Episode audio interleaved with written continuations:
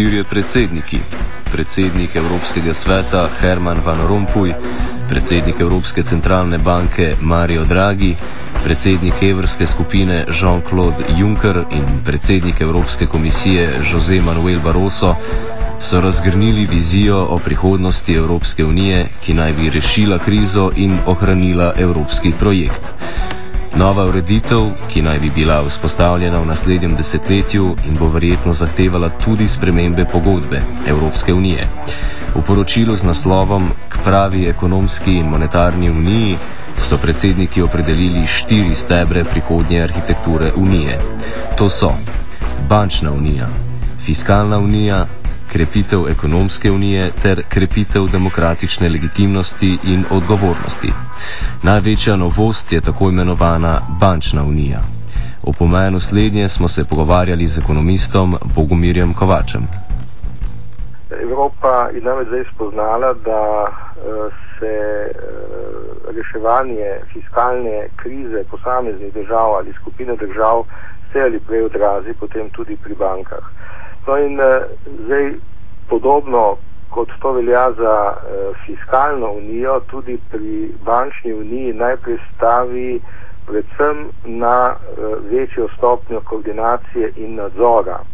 Poleg tako imenovane vloge centralne banke, zdaj seveda škrati tudi še organ, ki ga že ima izpostavljenega za bančno regulacijo, Eh, in na tretji strani naj bi se vzpostavil poleg zdaj obstoječih reševalnih eh, skladov, ki so narejeni po vzoru mednarodnega denarnega sklada za to vrstne intervencije, bi naj večja stopnja medsebojne povezanosti in nadzora skušala seveda eh, za same banke pripeljati v ta širši evropski prostor tudi medsebojno pomoč. Se pravi, banke so si najprej uh, soodgovorne znotraj nacionalnih prostorov, potem glede na to, da zdaj ločimo tako imenovane super nacionalne banke ali mednarodne banke, ki bodo pod posebnim nadzorom. Te banke bodo zdaj medsebojno skušale v tem medbančnem uh, prostoru si medsebojno pomagati. Namreč uh, Evropski monetarni prostor deluje na eni strani preko centralne banke in potem v okviru takvanega medbančnega prelivanja in zagotavljanja likvidnih sredstev.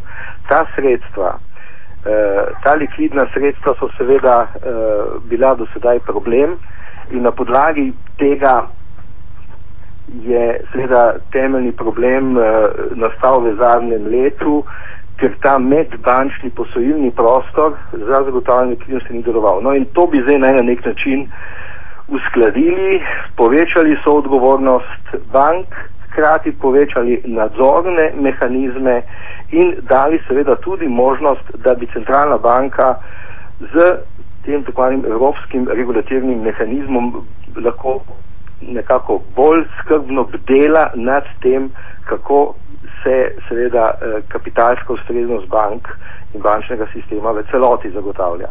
Tako da to je nek poizkus, zdaj, eh, ki je bil eh, do sedaj očitno podcenjen, da bi skušali seveda bančni prostor v Evropi nekako bolj povezati med seboj, ga narediti bolj soodvisnega, bolj kontroliranega in nekako tudi bolj upravljivega kot do sedaj. E, do sedaj smo namreč imeli povsem decentralizirano obliko nadzora nad bančnim sistemom. Centralne banke, kot tudi recimo pri nas v Sloveniji, Banka Slovenije, je bila odgovorna za nadzor slovenskih bank. Če ta nadzor ni bil dober, recimo kot smo lahko opazili pri nekaterih bankah, zlasti tiste, ki so seveda eh, nacionalnega pomena, ki so zdaj običajno bile največje, je to seveda bil problem Banke Slovenije. Zdaj, bo torej mnogo več nadzora na takvanih evropskih ravneh in tudi posebne banke bodo posebej izdvojene za to, da bodo morale na nek način skrbeti za medsebojno, eh, lahko rekel, medbančno poravnavo. Zato me zanima, tukaj sem lahko prebral, da se v bistvu ta mehanizem za reševanje bank, eh, skupni mehanizem, napaja med drugimi iz prispevkov bank. To je to, o čemer ste vi zdaj govorili. Tako je.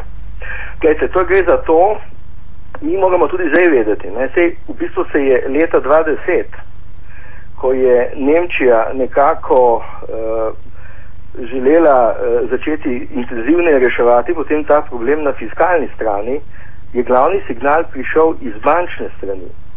Nemška Bundesbanka, Nemška centralna banka je bila absolutno preveč izpostavljena kot seveda banka, ki je imela največ presežkov, zaradi tega, ker je Nemčija bila seveda neto izvoznica in je zato seveda pridobivala sredstva. V medbančnem prostoru je Nemška centralna banka potem prekomirno pomagala drugim bančnim sistemom oziroma centralnim bankam. In ta visoka izpostavljenost nemškega centralno-bančnega sistema je potem potrovalo temu, da so Nemci prižgali rdečo luč.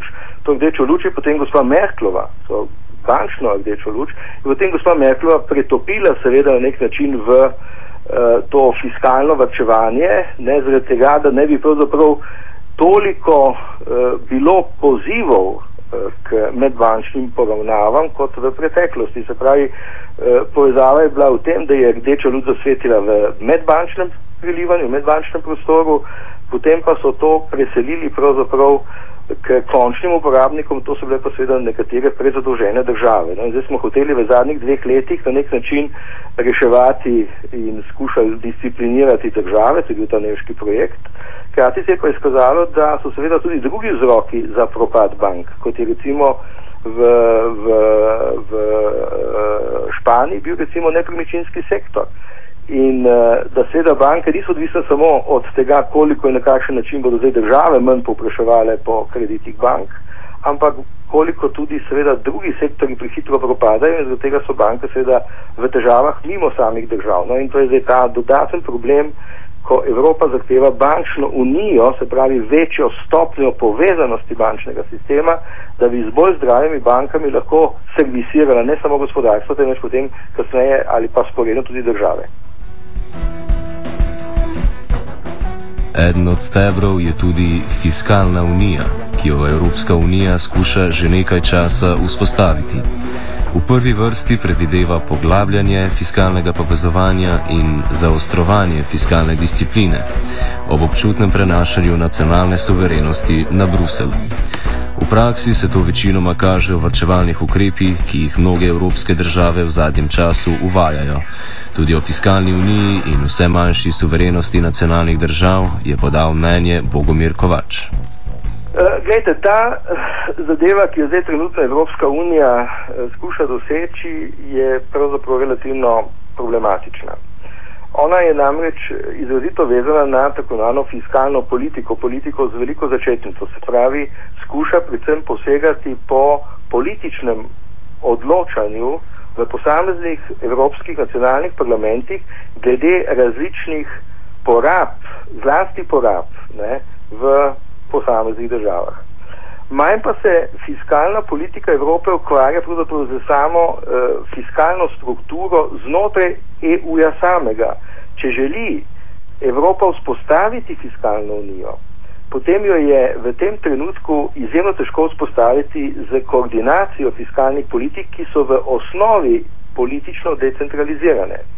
Če vi želite seveda vzpostaviti nek nadzor nad to vrstnimi politikami, ki so v domeni nacionalnih političnih parlamentov, potem bi morali seveda imeti mnogo močnejšo politično unijo.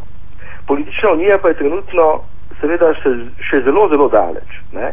In eden izmed uh, v tej viziji, ki jo je tudi danes v bistvu uh, objavila uh, Bruselska Evropska komisija, je v tej viziji za naslednje desetletje med drugim tudi vzpostavljanje nekih drugačnih demokratičnih pristopov, se pravi, Evropa se zaveda tega politično-demokratičnega deficita svojih institucij.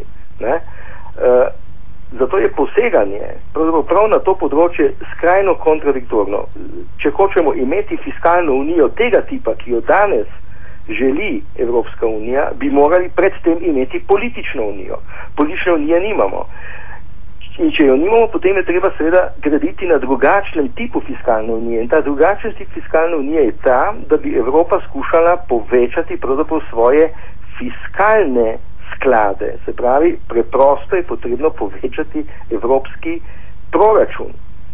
To je pa nekaj, kar je seveda danes izjemno sporno. Pomeni, Evropa bi morala priti do svojih originalnih davkov in Evropa bi morala seveda priti potem do tega, da bi ta proračun, ki danes obsega en odstotek bruto domačega proizvoda Evropske unije, če bi to malce zgodovinsko primerjali, bi se pomaknili nekje v 16. ali začetek 17. stoletja, to je primerljivo, drugače pa bi bilo minimalno desetkratno povečanje tega proračuna.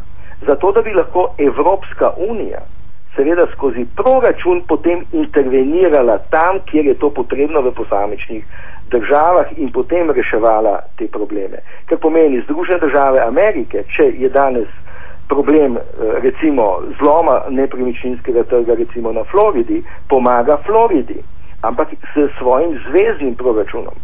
Če je težava z energetiko recimo v Kaliforniji v preteklosti, je pomagala zopet eh, Washington z centralnim proračunom tej državi in tako dalje, in tako dalje. Nemčija tako počne z svojimi deželami, ne, ki imajo relativno potem izravnane proračune. Ampak zaradi tega morate vi imeti proračunski vir, ne pa napadati tako drugače in usklejevati neke politike.